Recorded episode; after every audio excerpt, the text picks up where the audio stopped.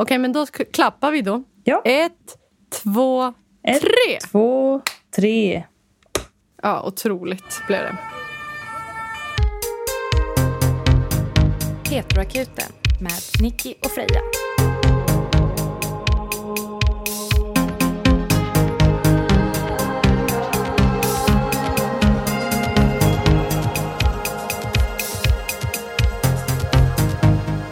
Det kommer vara så himla bra ljud på den här podden. Det kommer vara så bra ljud som det aldrig har varit och som det eventuellt aldrig kommer vara igen. Ja, på din sida ja. Mm. Jag spelar in på, med min 15 000 kronors mick. Alltså grattis till den. Tack! Välkommen hem också. Tack! Och tack för barnvakten, kattvakten alltså. Inga problem. Berätta hur du hade det i mitt hem. Jag hade det bra. Jag och eh, Amorina var där och passade dina katter. Det solen sken och Amorina badade. Jag var jättekonstigt trött och liksom lite svag. Jag tror jag har någon endometrios eh, skov. Så du Så vill jag inte var ens lite- hoppa från bryggan? Inte ens dyka Nej, alltså, lite? det, jag ville vilja. Du ville vilja? Ja. Usch, då var Mm. du dålig. Ja, då var jag dålig när jag inte Oj, dyker. vad du kan hoppa så många gånger. Ja, det är det bästa jag vet, att dyka. Men vi hade det bra. Nu är semestern slut. Du har varit i Stockholm. Jag har varit i Stockholm. Du hängde med vår härliga gäst, Jag har hängt Mm. med flera av våra tidigare gäster nu i Stockholm. Maxine och... Eh, Kristoffer. Ja, vad kul. Vi pratade ju om i förra avsnittet så berättade vi lite kring dina och mina eh, mindre populära åsikter. Och det var ju allt från då Eva Attlings smycken till att inte gilla champagne, om reinkarnation. Eh, som oväntat många tror på av våra lyssnare. Jag gjorde ju en poll på det. Jaha, det har inte jag sett. Nej, klart inte har. Jag gjorde, jag gjorde en poll på det. Eh, och det var typ kanske ändå 40 procent som lutade åt ja. Har vi så spirituella lyssnare? Vad roligt. Jag hade då som alternativ att längst åt höger var att man är helt övertygad om att det finns. Och längst till vänster var att man är helt övertygad om att det inte finns. Och mitten Mm. var ingen aning. Och jag skulle nog säga att jag ligger nog ganska exakt i mitten.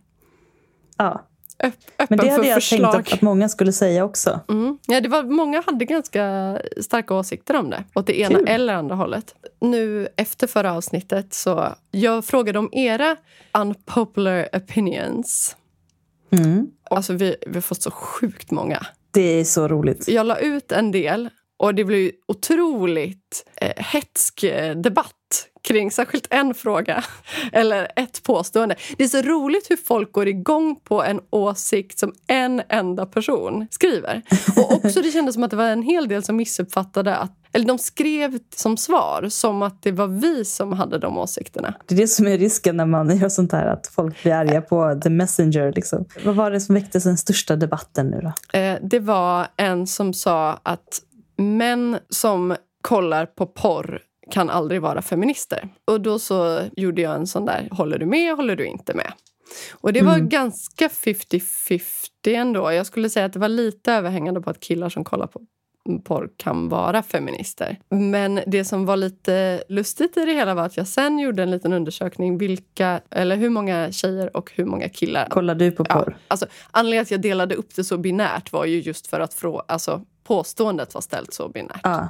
För det som var lite roligt var ju att både den som hade skrivit den här åsikten och ganska många fler som hade fyllt i att killar inte kan vara feminister om de kollar på porr fyllde i att de själva kollade på porr. Det kan jag tänka mig.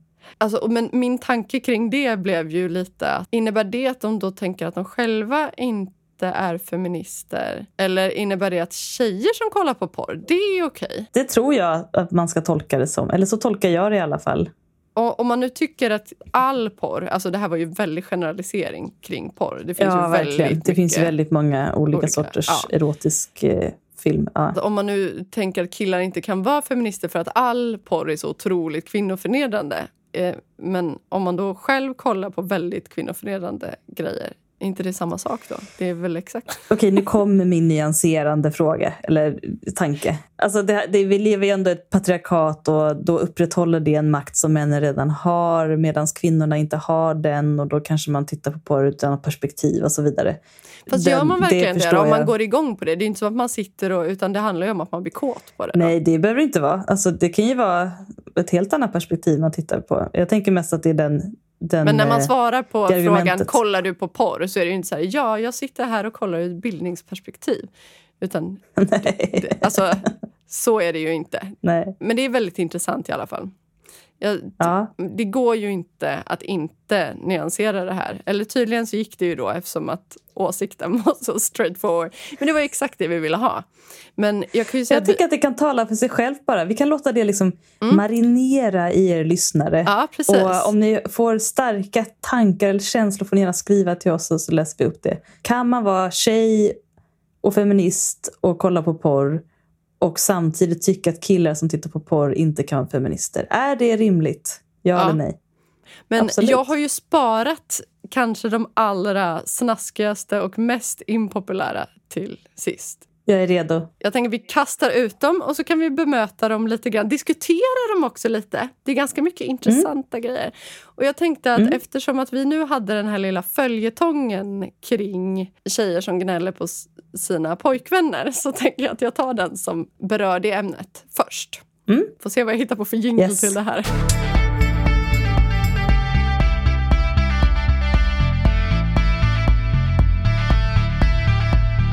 Är straight kvinna i ett förhållande och håller helt med om tidigare åsikter kring kontot mansbebisar.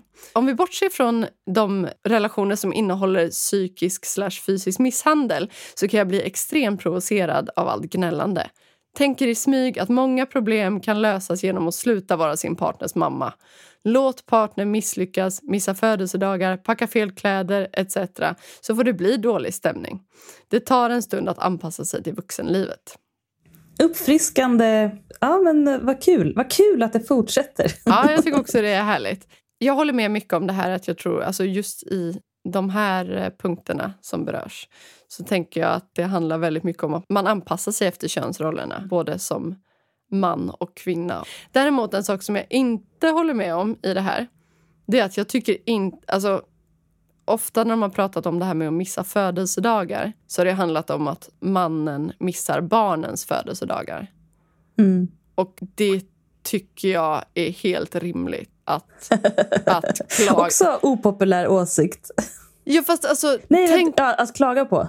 Förlåt, jag kanske avbröt det för tidigt. Jag Hur trodde att du skulle säga att det var helt rimligt att missa sina barns Nej, nej, födelsedag. nej, nej, nej, nej det, men det var väl det som jag kände att jag tycker det är jävligt asigt att missa sin partners födelsedag också. Men jag Mm. tycker att att missa sina barns födelsedagar, det Ja. kan fan bli ett trauma. Alltså. Eller inte veta när ens barn fyller år. Det har varit en hel del sånt. Och det är ju liksom så douchigt. Det är bara så inte- konstigt tycker jag. Det, ja, men det är totalt eh, nonchalant och respektlöst. Så då tycker jag det är ett riktigt as till snubbe. I min familj då är det ju min pappa som håller reda på allas födelsedagar. Han, för jag får alltid ett litet sms. Hej, hej! Din kusin fyller så här eh, många år imorgon, typ 43.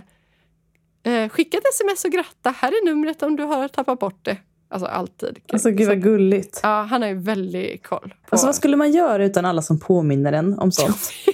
alltså Facebook, vad är Facebook mest till för? Ja. Jo, påminnande om folks födelsedagar. Gud ja, Har man inte skrivit in sin födelsedag där, då får man lite skylla sig själv. faktiskt. Så är det faktiskt. Förlåt, det kändes som att vi kom ifrån lite... Du håller med om Resten. resten. Jag håller med. Eller jag, alltså, jag håller med om att många problem skulle kunna lösas genom att sluta vara sin partners mamma. Ja, det tror jag. Ja. Och så är det klart att det är lätt att säga som utomstående. Men det går fortfarande att göra. Det är ju inte ens fel att två träter. Det är inte bara personen som ska sluta vara mamman. Någon kanske måste börja. Om hon då slutar Ja. vara mamma till honom så måste han ju shape up. Eller så faller han ner i ett litet svart hål. Ja, det är ju så. Jag tänker att det är lite... Kanske dum jämförelse, men lite åt samma håll det här som folk som är sådär att det är alltid jag som börjar höra av mig till min partner. Men jag tror att man... Människan är så bekväm. Jag tror att vänjer man sig vid att en person drar i vissa saker Mm. så låter man personen göra det. Ja, det är klart. Och då vad tänker man vad skönt. Har man alltid någon som påminner en om allting man ska göra så är det ju skitbekvämt. Alltså jag kan ju säga att jag är ju den som brukar vara den som gör saker åt andra Mm. utan att de har bett om det, utan att de har visat att de vill det. Det är liksom mitt sätt att visa omtanke. Och jag tror att väldigt många faller i den fällan. Att Mm. man, man vårdar sin partner. Man tar Mm. hand om den liksom, så att den inte ska börja Precis. tänka på något. Det är ju Alltså, om- sjuksköterska-patient-fenomenet. Exakt. Och då får man ju en partner som till slut glömmer bort saker för att den inte behöver tänka på det. Och Mm. Det här har är också- det är ett medberoende. Så många gånger. På något sätt. Alltså en mildare typ av medberoende. Precis. Jag har liksom träffat fullt kapabla människor som lever jättefunktionella liv. Ja. Och så har jag fått dem att eh, helt och hållet liksom tappa bort sig själva och sin vardag för att jag har gjort allt. Du suger Freja! Och det kan, nej, jag är jättebra. Ja, du är. Men det, suger, det kan ju suga. Men det som suger mest tycker jag är om partnern inte uppskattar det eller ser att det är det som händer. Ja. Men när det har gått så många år efter år efter år så det man vänjer ju sig vid sina roller också. Ja, det gör man. Och det är också en roll jag är bekväm att ta. Men så länge jag inte känner... Alltså det har ju hänt att jag har gjort en person liksom... Det är inte mitt ansvar såklart, men det har gått så långt att personer inte vet vilka de är längre. Ja, det De är hårt. bort Men då själva, kanske de liksom. inte var så mycket från början å andra sidan. Eller så är du bara jävligt manipulativ. Det är också en... Ja, det kanske jag är. Jag vet inte. Ja. Men det jag skulle säga var i alla fall att det är så, jag har en så bra dynamik nu med min tjej. För Mm. hon är fullt kapabel. Hon sköter sig jättebra när jag inte är med. Ja. Hon är självständig och allting. Hon, men när jag är hemma då gör jag massa saker som hon eh, annars skulle ha gjort eller Mm. tänkt på. Men nu behöver hon inte det. det. Det gör ingenting så länge hon är jättetacksam och kärleksfull i gengäld. Alltså jag håller helt med. Helt med. Jag, jag lagar gärna mat varje kväll. Jag tycker det är kul att laga mat. Speciellt Gud, till någon som du- säger Gud vad gott det är. Gud, Kan inte du flytta hem till mig lite oftare? Till exempel när jag är hemma. Det hade varit så skönt. Ja. Jag har ju en liten hemlig dröm att vara hemmafru. Jag hade mått väldigt bra av det tror jag. Ja, men du hade passat som Och då det. kan vi ju bara avsluta med att eh, har ni fler tankar, skriv gärna det till oss igen. För Ja, det här är något som engagerar många. Eller om något nytt, det går jättebra. Mm, ja vi, har ganska, vi kan säga det redan innan nu för att det kommer ganska mycket saker som vi ska beta av. Så att, Mm. Ni kommer Ja. bli upprörda över mer, vi lovar. Okej, här kommer den. Jag slänger ut den som en brevduva.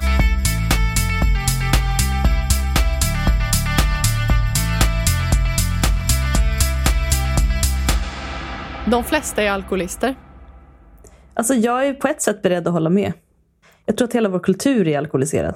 Alltså den har ju varit det. Alltså jag tänker ur, ur ett historiskt perspektiv så tänker jag att alla var väl alkoholister i slutet av 1800-talet i alla fall. Ja, alltså inte minst då eh, när man drack stark sprit hela dagarna. Men Ja, men precis. jag men jag skulle säga att, idag också. men jag tänker att alla har en historik. Ja, Nästan alla har Mm. anlag av alkoholism. Alltså man brukar säga att jag har alkoholism i släkten, men jag tror nästan alla har det. Alltså jag, Jag, kan inte tänka mig någon det. släkt som inte har det. Nej, men sen kom ju den här nykterhetsrörelsen, den progressiva nykterhetsrörelsen där i ja, Mm. men, början av 1900-talet och motboken och allting sånt där. Jag fick lära mig av Kristoffer faktiskt i helgen. N- när motboken kom, var det 20-talet? Vi säger det, jag gissar. Ja. Gifta män fick handla 12 liter sprit i, var det i veckan? Nej, i månaden måste det vara. Nej, måste vara... Jag tänkte året idag, men ja. nej, mm. nej, nej, nej, månaden. I Eh, månaden. 12 oh. liter sprit. Ja, ogifta män fick handla sex liter sprit och kvinnor oavsett om de var gifta eller inte fick handla två liter sprit i månaden. Ja, det räcker ju verkligen. Men 12 liter, alltså det är så jävla mycket. Och då var det en begränsning, Ja, måste vi komma ihåg. och det Då var säger det ett ganska lock mycket. på vad som hade varit innan. Jag skulle inte säga att alla är alkoholister, men jag skulle säga att de allra flesta, nej, alltså en, den st- absolut stora majoriteten har ett osunt socialt förhållningssätt till alkohol. Absolut. Och jag tror att det har ökat. Eh, det här är bara min känsla, det finns Mm. säkert statistik på det. Men det känns som att det har ökat de senaste typ 10-20 åren. Alltså Mm. att man dricker vin på ett nytt sätt i Sverige som man inte har gjort innan.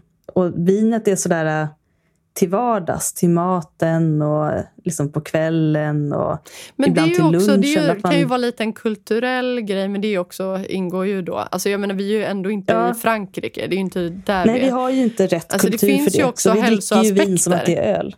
Men det finns ju hälsoaspekter. Att dricka typ ett glas rött vin per dag ska ju vara väldigt bra.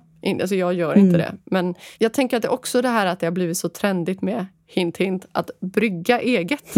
Gör, ju- ja, men det gör ju också att det normaliseras på ett annat sätt att köpa på sig. Absolut.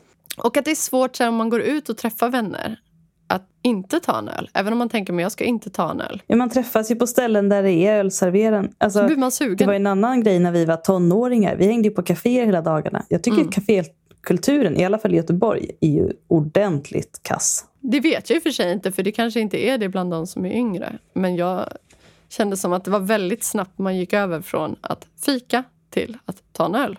Men alltså, jag vet när jag flyttade till Göteborg så letade jag efter bra kaféer. För att Mm. mitt sätt att hänga med människor innan jag flyttade till Göteborg var att hänga på kaféer. Mm. Men det var bara massa kedjor. Och Ja. även det som inte var kedjor hade precis samma tråkiga brownies och dåliga latte. Allting spelar hög musik. Vart man än går är det liksom likadana möbler. Det är koncept. Ja, alltså det finns grejer. ju annat och det har kommit mer sånt nu. Men samtidigt så är det också sånt som stänger klockan 18. Så det är inte sånt man kan Nej. sitta hela kvällen. Kommer du Precis. ihåg, eh, vad heter det nu då? Alltså det här kaféet som låg, gud vad bra det går, någonstans vid Odenplan i Stockholm som hade öppet till typ två på natten. Som var flera våningar. Alltså, I Stockholm finns det så mycket fina kaféer. Jag måste säga, det, är, det är det jag saknar mest med Stockholm. Men det var som en bar och det var så här barbelysning fast alla drack teer. För det fanns hur mycket olika teer som helst. Men man satt och läste en tidning, man satt och läste. Man, alltså, det var man ett satt och läste en tidning, man satt och läste. Ja, Fan vad man då. höll på. Helt crazy. Ja, men det finns ju en alkoholromantik. Det finns Ja. överallt. Ja, vi båda är en del av den. På tal om det Ja. så skulle jag verkligen vilja säga till dig Freja att idag så drack jag av ditt jordgubbsmjöd som du gjorde till mig. Och den var så god. Vad roligt att höra. Det var typ det bästa du har gjort. Oj, vad kul. Faktum är att jag har själv inte smakat på den. Nej, Så då har du något att se fram emot. glädjande. Jag blev jättenervös när du sa att du hade smakat på det. Så tänkte jag, åh gud, jag vet inte hur det smakar själv. Nej, men Men jag vad kul, hade, då ska jag smaka på det. det. var verkligen gott. Det var så här perfekt mild smak av jordgubb. Du ska få en till. Ja, underbart. Eh, Okej, ska jag gå vidare? Yes.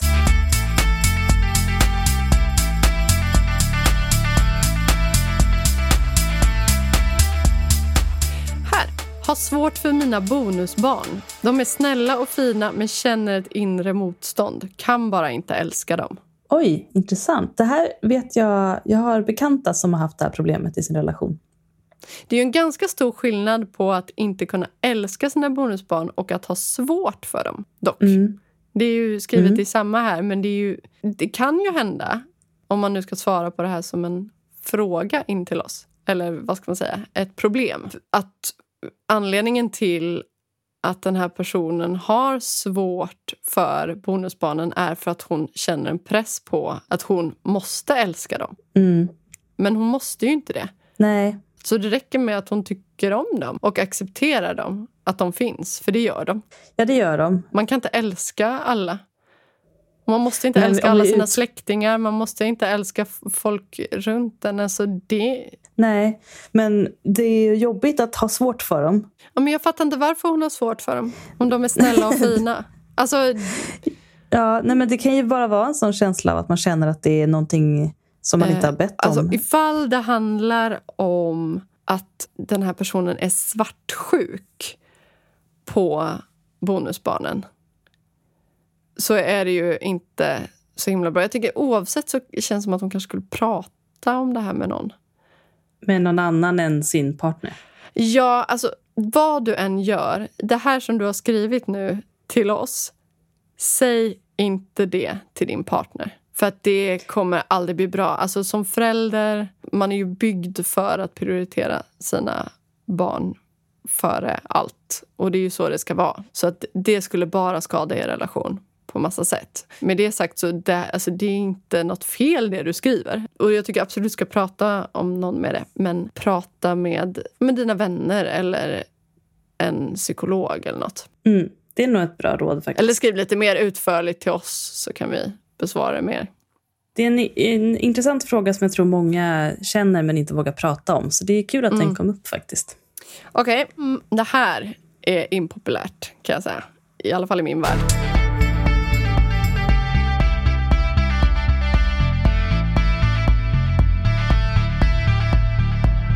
Amma på stranden är okej, men inte på kaféer och restauranger. Och skyl er! Jag är kvinna, inom parentes. Impopulär åsikt. Men många håller med, det vet jag. Jag tolkar det som att personen tycker att på offentliga platser utomhus, där det finns mycket utrymme, är det okej. Okay. Offentliga platser inomhus, där man till exempel äter mat, inte okej. Okay. Men bebisen behöver ju också mat. Och små ja. barn äter hela tiden. Jag skulle gissa att den här personen som skriver det här inte är förälder själv. Ja, man vet ju inte. Det finns ju många mammor som lever som de lär och tycker så också såklart. Men eh, det ja, låter men jag tycker inte man, man ska så. inte ha åsikter i andras föräldraskap. Om man är så himla rädd att se lite tutte. Jag lovar, du har sett mer tutte på klubb. Gud, ja. ja, nej, jag håller, jag håller inte med om den åsikten. Men jag vet att den finns och jag respekterar den. Gör du det? Jag respekterar inte den.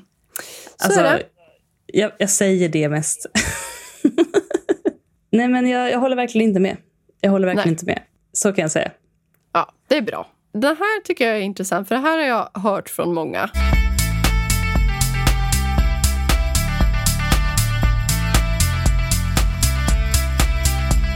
Jimmy Åkesson är en duktig politiker, men med fruktansvärda åsikter. Vad tänker du? Jag tänker att eh, han gör ju någonting rätt.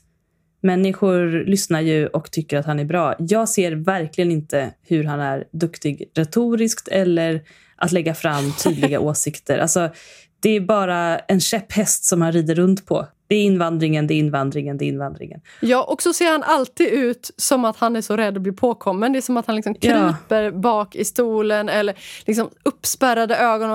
Alltså verkligen en dålig lögnare tycker jag att han ser ut som... Jag, jag har hört det här förut från folk som absolut inte håller med om hans åsikter men ändå tycker att han är en duktig politiker. Och jag, jag ser verkligen inte det de ser. När jag tänker på Jimmy Åkesson, och då menar jag inte alltså bara hans åsikter utan hela hans utstrålning. Och hans, ja, han har ingen pondus. Jag tycker bara han är Jimmy Åkesson, tja la la la och ja, alltså det... Han känns ju loj och rädd.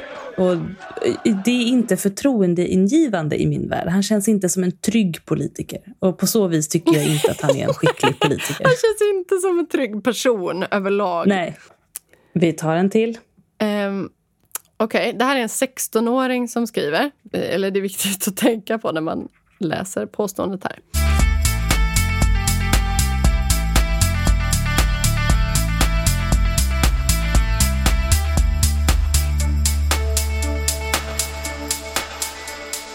30 till 45-åringar är mycket, mycket mer attraktiva än 16-åringar.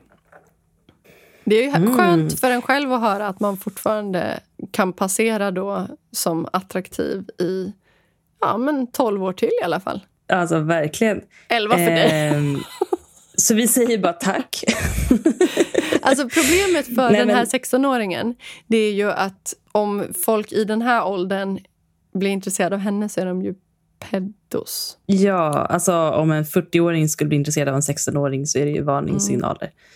Mm. Eh, det har ju hänt, men det, det ska inte. kanske det ska inte, inte Man ska inte ha en relation Nej. med någon som är så. Men om några år, om ett par år, då, mm. då är det ju chill. Alltså Felicia hade ju garvat åt mig om hon hade hört mig nu när jag säger att man då är pedo eftersom att ibland om vi kollar på någon film och det dyker upp någon ja, men, en tolvåring med trevligt utseende så har väl jag, det har väl hänt att jag har sagt snygg. Men man kan ju, man kan ju se skönhet, va? Man, man, kan väl fortfarande vara en, en vack... Alltså, det har inget med något sexuellt att göra. Utan det är mer så här, Nej. hon kommer bli snygg när hon blir äldre. och det kanske är jävligt ja. oskönt. Och då men, finns jag här. Ja, men man måste väl ändå kunna säga att någon ser ser bra ut Ja. även om den är 12. Utan att Men det är inte konstigt behöver att vara att man vill idka älskog med personen. Men att vara 16 och tycka om folk som är liksom 30, 45, det är ju inte, det är inte jättekonstigt egentligen. Nej. Alltså, det känns som att det är en återkommande grej. som alltså Man blir kär i sin lärare, man blir intresserad av någon äldre man lär känna på något sätt. Eh, men det är en fantasi som många har, som vi säkert har haft i tonåren också, kan jag tänka mig. Ja, alltså när jag var typ 15 så var jag jätteattraherad av en som var, jag tror hon var 56. Det var roligt. Jag har ju hört det här att eh, vår generation, som är just 30 till 45, vi Mm. är ju den mest infantila generationen hittills.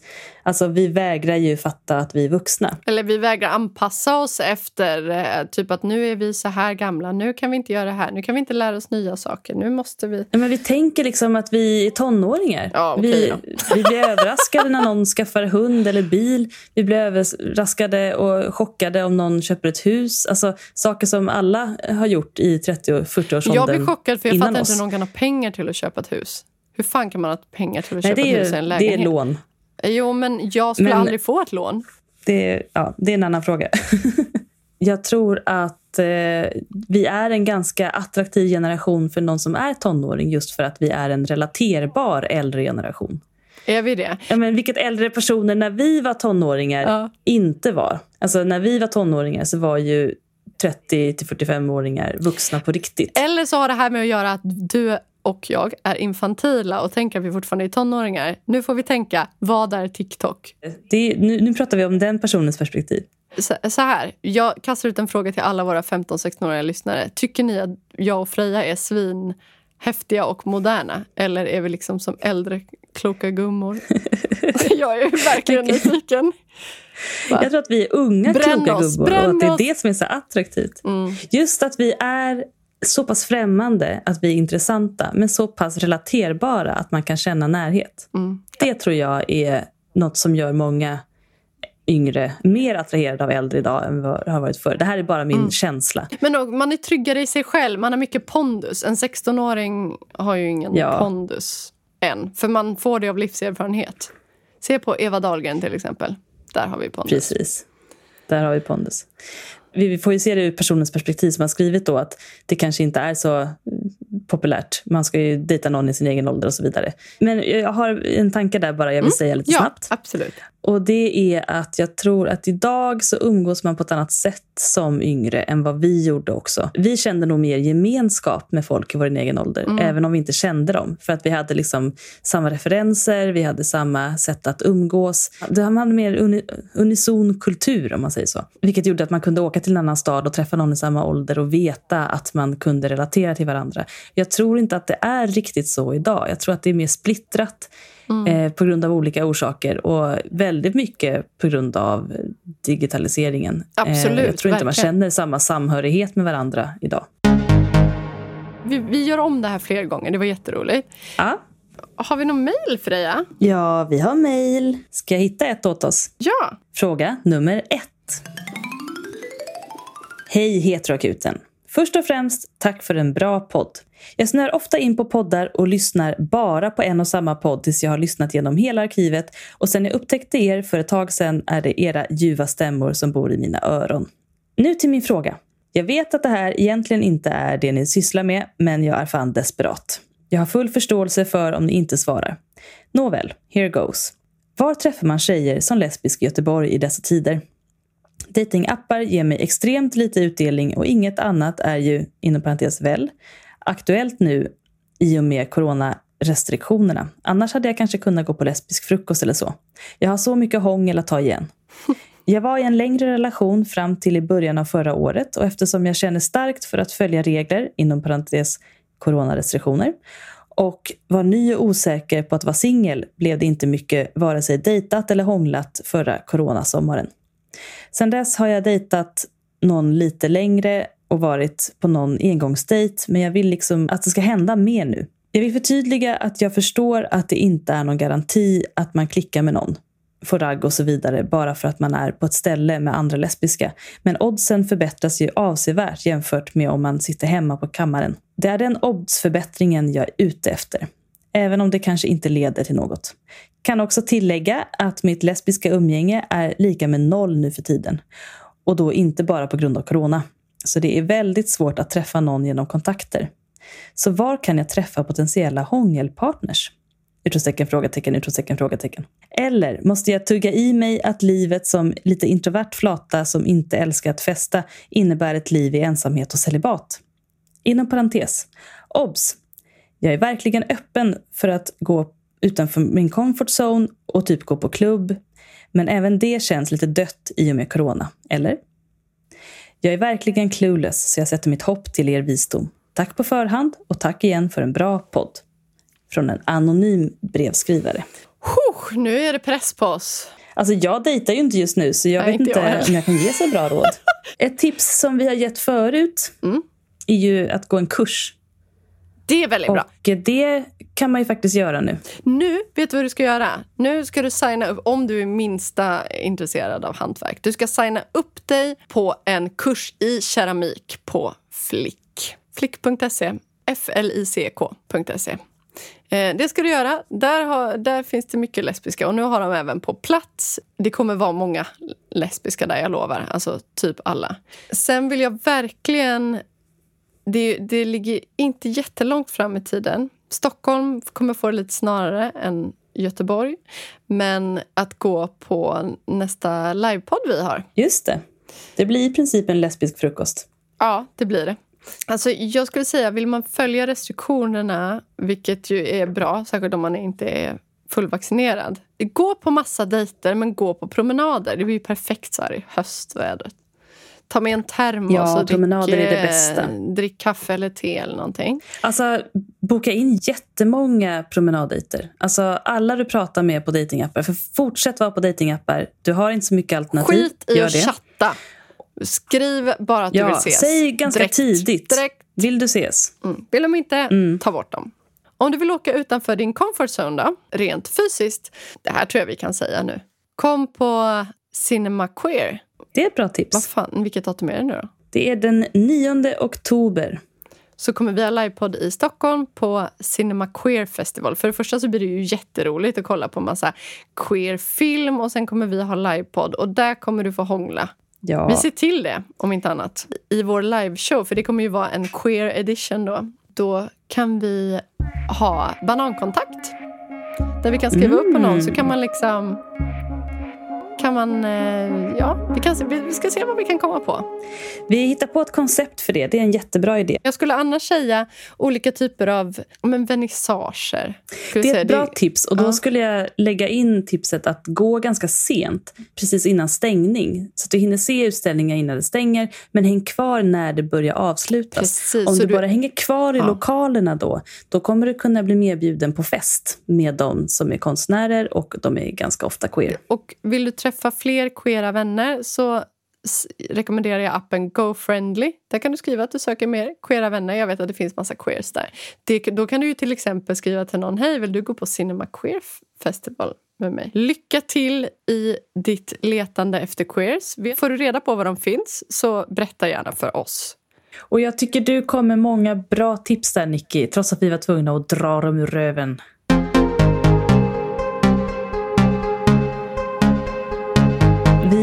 Ny Patreon. Och det är inte vilken Patreon som helst, Nej. utan det är Valeria.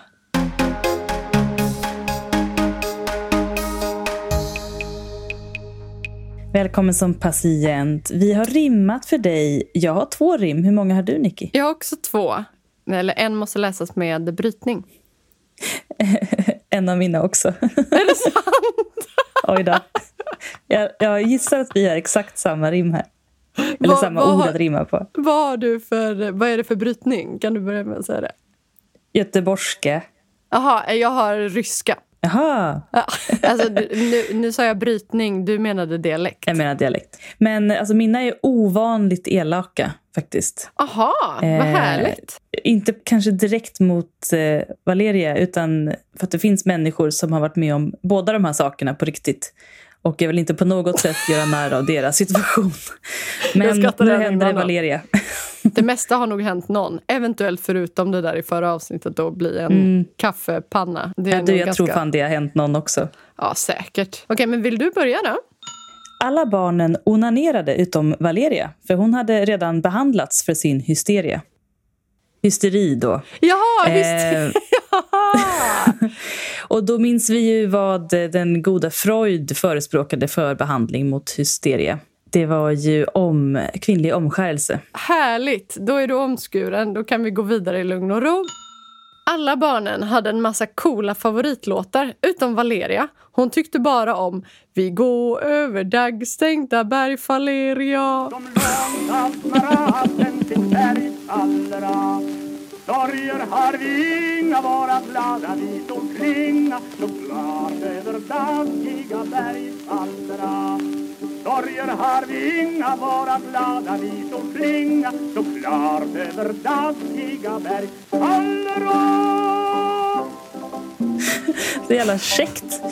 Och hon är sån 40-talsscout. Japp. Det är en glad låt. Ja, det är det. Det finns Det är bara det en faktiskt. enda låt som är gladare än den. Och det är den här. Jag är så glittrande glad Hela livet är en vårpromenad Och av glädje nu mitt hjärta Den är sjukt glad. Och Den har sen jag kommer aldrig den hört. Låter fantastiskt. Mm, det är, det- den är glad. Jag slänger Okej. in den här.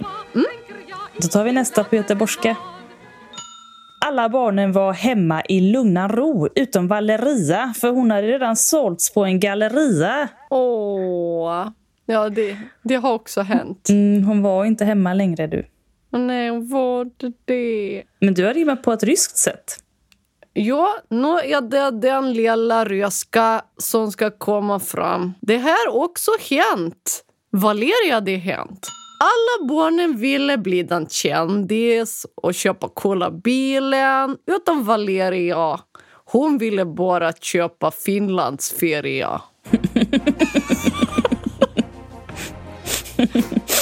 Och jag vet också precis typen. Du vet att det finns de som har klippkort på Finlandsfärjor va? Det känns som att man kanske har en ett orimligt stor besatthet av färjor. Jag tänker att det, det kan man ju ha.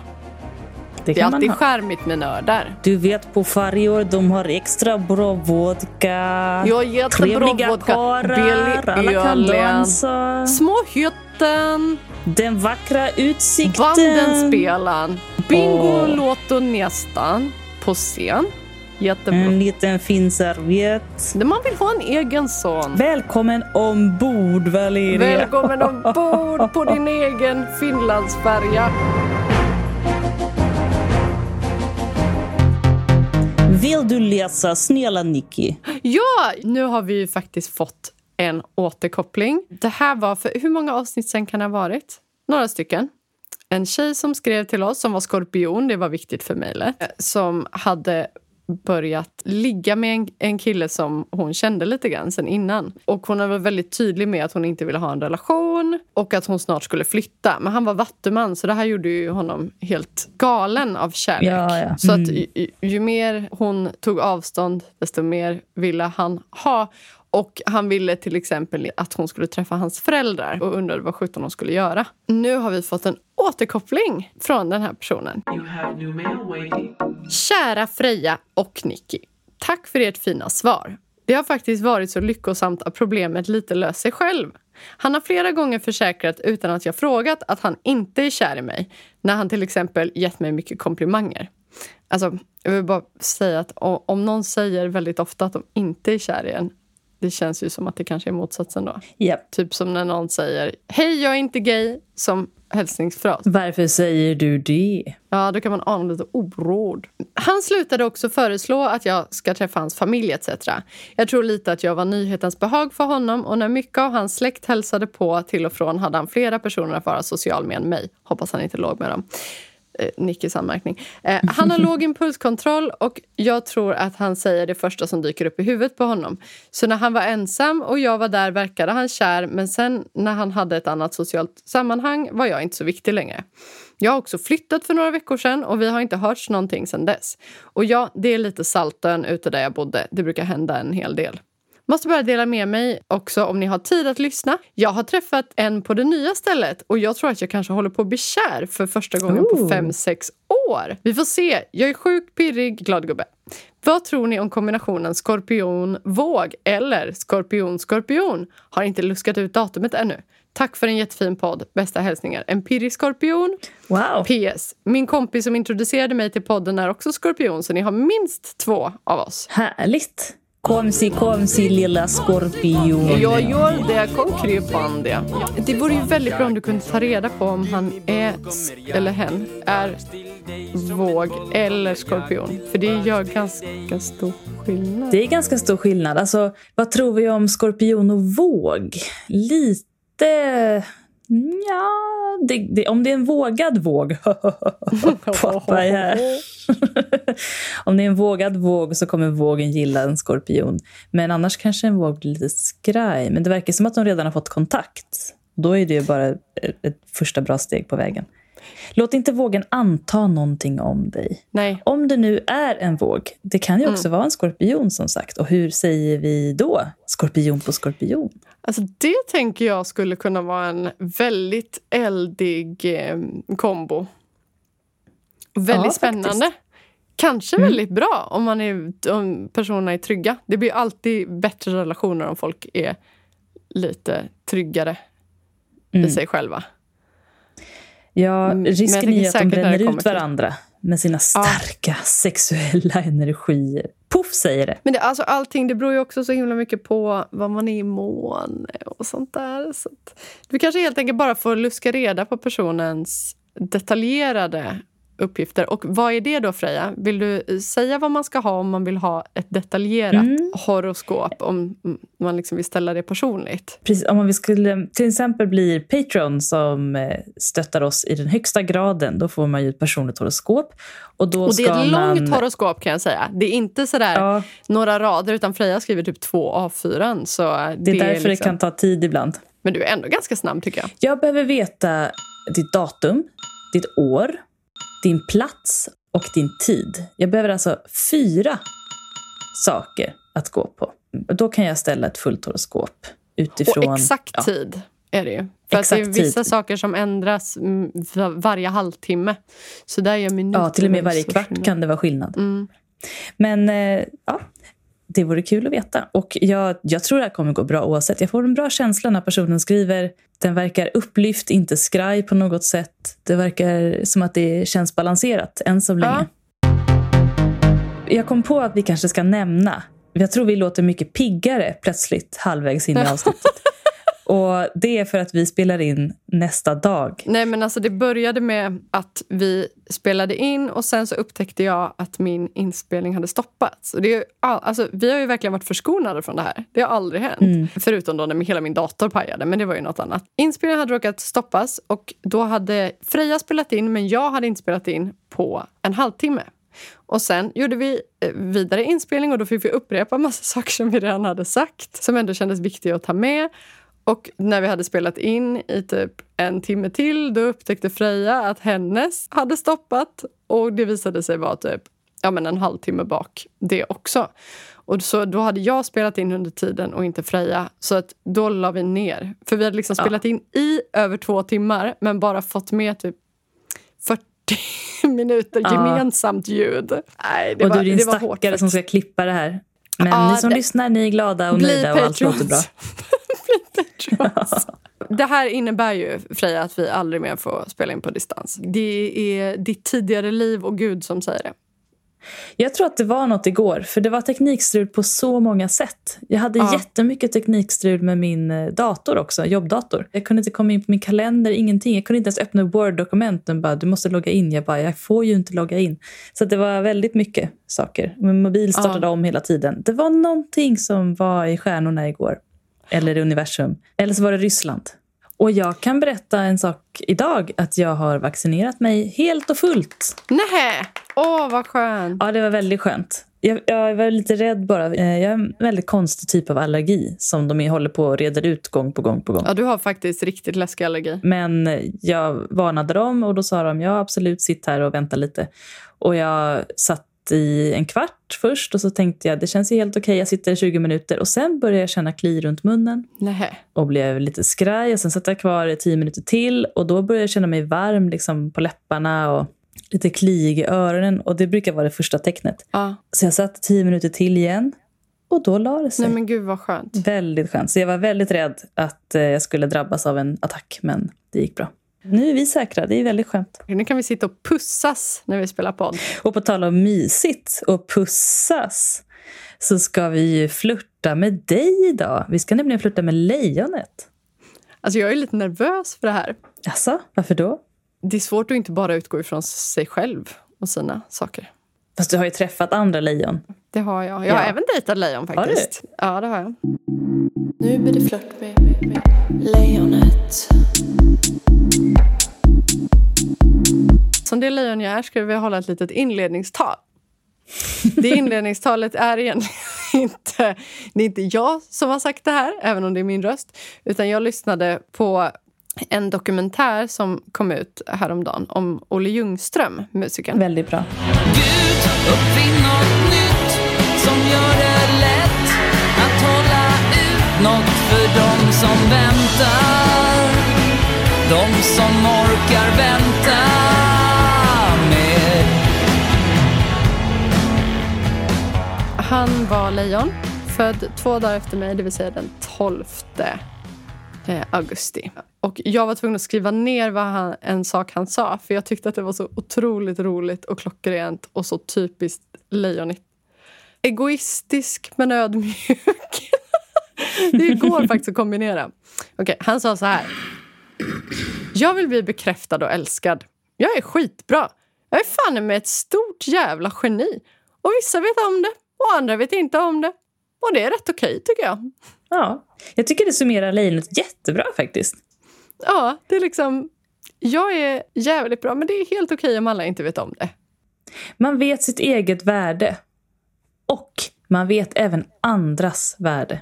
Det är viktigt att poängtera. Många tänker att lejonet är väldigt nonchalant. Man har stora tankar om sig själv. Man har stora tankar om sig själv. Självklart också mindre stora tankar om sig själv. Men det man, det man vet att man är bra på vet man att man är bra på. Man behöver inte hålla på och fjanta runt med det. Men man vet också... Man har väldigt lätt att se styrkor i andra och att uppmuntra dem. Precis, och i och med att lejonet eh, ofta vet sitt eget värde så är den inte hotad av andras styrkor. Den är trygg, om det är ett balanserat lejon. Och om det inte är med ett annat lejon, då kan man känna lite... Då kan det bli lite rar i luften. Men alltså, det man tror inte det sett. först, men det kan bli det. Ja, Lejonet gillar ju att vara i centrum. Lejonet Ja. älskar att vara älskad. Vem gör inte det?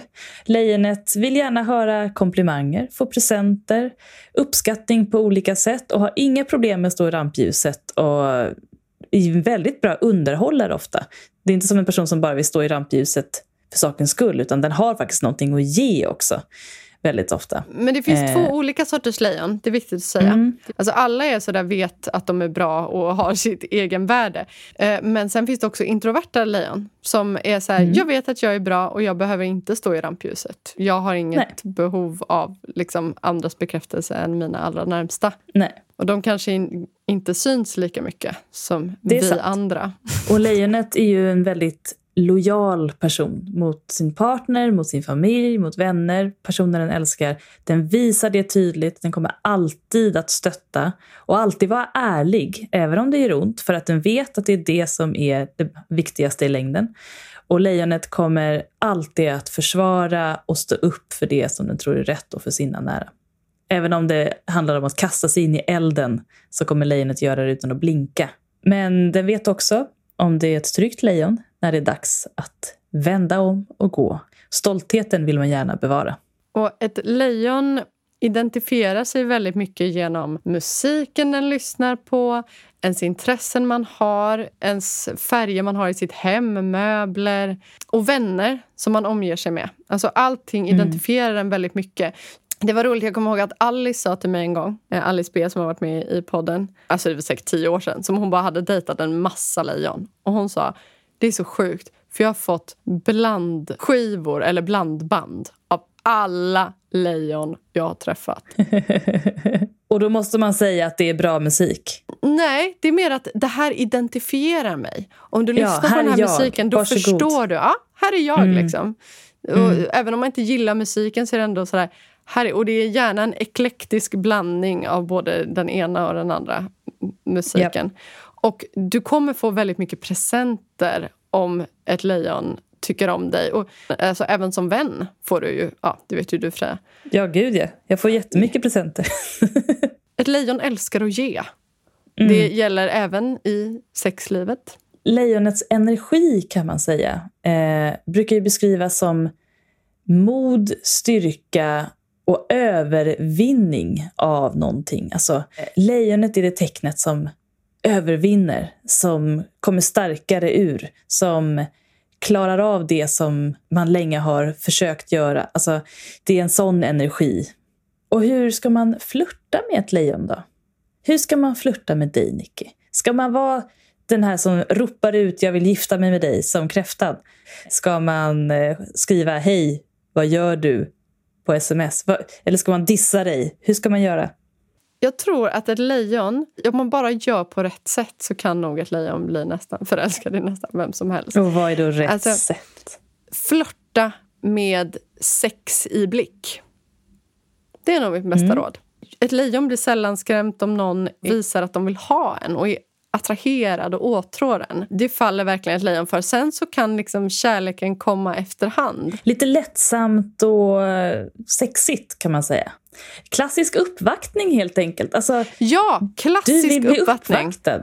Inte Ja. för mycket, inte lite, utan bara tydligt att någon, någon gillar lejonet. Nu har jag fokus. Jag har ögonen lejonet, på dig och uppskattar. inte håller på och Precis. flackar åt massa andra håll. Då rubbas man lite ur sin balans på ett väldigt härligt sätt. Som att flyga på ett litet moln. Mm. Och det tycker man om. Överraskningar. Gärna överraskningar, men också Mm. inte bli skraj när lejonet ger överraskningar. För det kommer att Det är hända. det är oundvikligt. Och kom ihåg det här, om ett lejon du dejtar börjar ge dig massa presenter. Det betyder inte nu vill jag ha massa presenter tillbaka eller nu vill jag gifta mig. Inget av det betyder det. Det betyder bara jag såg den här, tänkte på dig och kunde inte låta bli att köpa den. Ja. Är ett lejon inte intresserat lejon brukar inte spela svår. Men däremot så kan ett lejon vara ointresserad från början och sen bli intresserad. Absolut. Om Det är du bra sköter dina kort rätt. Och du helt enkelt kör en regelrätt uppvaktning och flörtning. Blommor och choklad. Alltså jag, jag tycker det är jobbigt med både blommor och choklad. Men alltså något mer personligt. alltså mer så här... Inte Ja. blommor och choklad. Någonting som är, liksom, reflekterar det ni har pratat om. Nej, men jag har till exempel uppskattat när någon vill komma ut till min ö på första dejten. Det är så här, någon vill Mm. se hur jag bor. Någon kan tänka sig att åka land och rike över havet för att komma hem till mig. Eller liksom Mm. bara något speciellt. Typ om man har snappat upp att man gillar en speciell maträtt. Kolla upp en restaurang där man kan äta den maten. Alltså någonting, inte blommor och choklad utan mer personligt. Eller till exempel om man gillar en viss musik. Ska vi gå på den här konserten? Såna saker. Alltså, du ska vara en person som faktiskt lyssnar och tar in vad lejonet säger och sen kan omvandla det i små tankar, överraskningar. Antingen att du visar någonting som, alltså som lejonet har sagt att den uppskattar eller kanske ännu bättre, att du visar någonting av dig själv. Om du har ett specifikt intresse, säger ja, men vill du följa med på den här, du, eller du är uppvuxen på den här platsen, ta med lejonet dit på första dejten. Precis. Visa dig själv, visa vem det är lejonet ska bli intresserad av. För det är jätteviktigt. Precis som att lejonet identifierar sig med sina, sin omgivning och sina saker den gör och så, så vill ju den se vem du är för att den ska kunna möta dig och faktiskt ha ett riktigt band. Då. Så identifieringen i båda är lika viktig här. Och att det är jättespännande att se någon annans värld. För att om du bara visar lejonet uppskattning och är så här, nej, nej, nej, men vi pratar inte om mig, prata om dig. Då kommer lejonet bara bli kär i sig själv och bara wow, vilken intressant person jag är. det är liksom fläska på. Mm. Var inte blygsam. För det kommer inte ditt Det är ett lejon bra att vara. tips. För jag tror väldigt många som dejtar personer som är duktiga på att prata om sig själva och sina intressen och visa vem de är och så, kanske blir lite tillbakadragna själva för att de vill ge plats och uppskatta och uppmuntra. Men det blir ju lite ensidigt efter ett tag. Lejonet tar för sig och vill träffa någon som också tar för sig och har Precis. ett eget sammanhang. Det tror jag är viktigt. Då vet vi lite mer om hur man ska ragga upp ett lejon. Och ska vi varna då att personer som har, det här känns lite konstigt att säga, men ett svagt jag bör undvika att dejta lejon. Ja, men om man känner sig hotad av andras framgång. Exakt. Om man föraktar människor som är trygga. Precis. Förminska inte ett lejon. Och förminska inte det själv oavsett. Eh, så vill du bli upplyft ska du dejta ett lejon helt enkelt. Mm. Väldigt om du vill ha presenter. Mm. Nu har vi verkligen sålt in dig. Ja, och alla andra lejon vill jag verkligen säga. Ja. Där kom det. Alla Ja. andra lejon också. Det är inte bara du som är bra. Alla är bra. Nej, Alla lejon är bra. Även om jag kanske inte vill umgås med alla. Ni är, liksom, ni är som spindlar i nät och ni har varsitt nät. Det betyder inte att alla är spindlar verkligen döda så. alla andra spindlar. Vi har så mycket i vårt nät. Utan det är bara så att det finns bara plats för en spindel i det här nätet. Alltså det har varit så himla kul med den här unpopular opinions. Och också, jag älskar när ni interagerar med varandra. Och det är det här som jag önskar att vi kan få ännu mer av i podden. Att ni svarar Mm. varandra, att ni kommenterar oss. Alltså låt det vara ett jäkla flöde. Jag vet att det kan kännas lite tradigt med mail, men vi har faktiskt en direktknapp i, på vår profil på Instagram. Så det är liksom, bara ni tänker någonting när ni lyssnar, släng iväg ett mail till oss för vi tycker det är så himla spännande och så roligt. Verkligen. Och jag börjar känna att vi, vi är liksom det som jag känner att jag saknar i dagens tidningsutbud. Det är fantastiskt att få vara ett klotterplank. Alltså att få vara Ja, det här ja. sista sidorna i tjejtidningen som var Fråga experten slash inte experten, Fråga Magdalena, eh, brevvänner, åsikter, ja. Allt det. Och ibland är det någon gästperson som man kan skriva frågor till. Vad tror du Patrik Sjöberg tänker om det här? Ja, precis. Jag blir liksom lite till mig när det kommer så mycket åsikter. Det är väldigt spännande. Och det kan ju vara så, nu när du har lyssnat på det här avsnittet, att du har blivit upprörd på någonting som vi har sagt. Att vi har haft opopulära åsikter när vi har till exempel svarat på opopulära åsikter. Men jag har ju känt när vi har svarat på de här eh, opopulära åsikterna att vi kanske borde vara lite försiktigare. Eh, men då har Nicky lugnat mig och sagt vi, ska, vi kan säga vad vi vill. Eller i alla fall att Nicky får säga vad hon vill och att jag kan vara tyst om jag vill. Alltså, allt har man ju inte jättemycket åsikter om heller. Nej. Men grejen är att folk lyssnar ju på oss av en anledning och det är ju att vi är lite frispråkiga och vi kan säga plumpa saker kanske.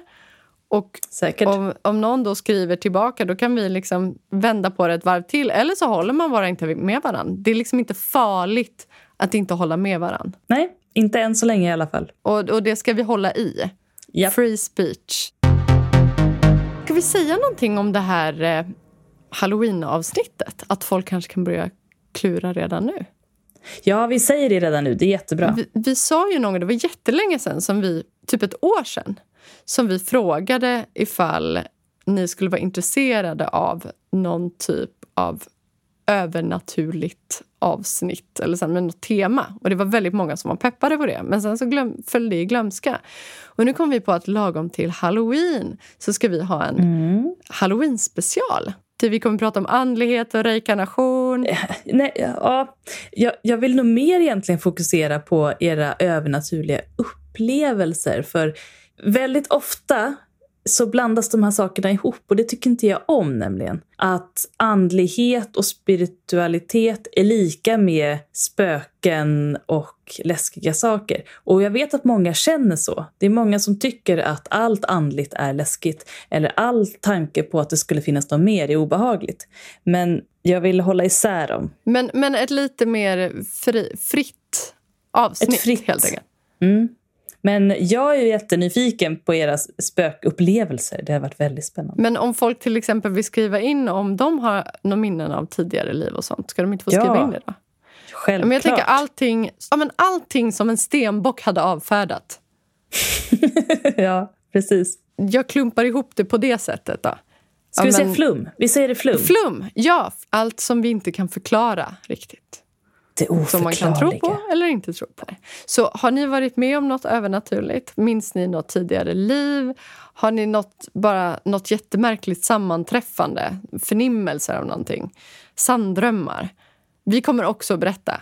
Så Mm, det vi. blir jätteroligt. Det blir väldigt specialavsnitt. Men det kommer ju alltså i Verkligen. halloween. Jag vet faktiskt inte när det är halloween. Men När är det? Det får vi kolla upp.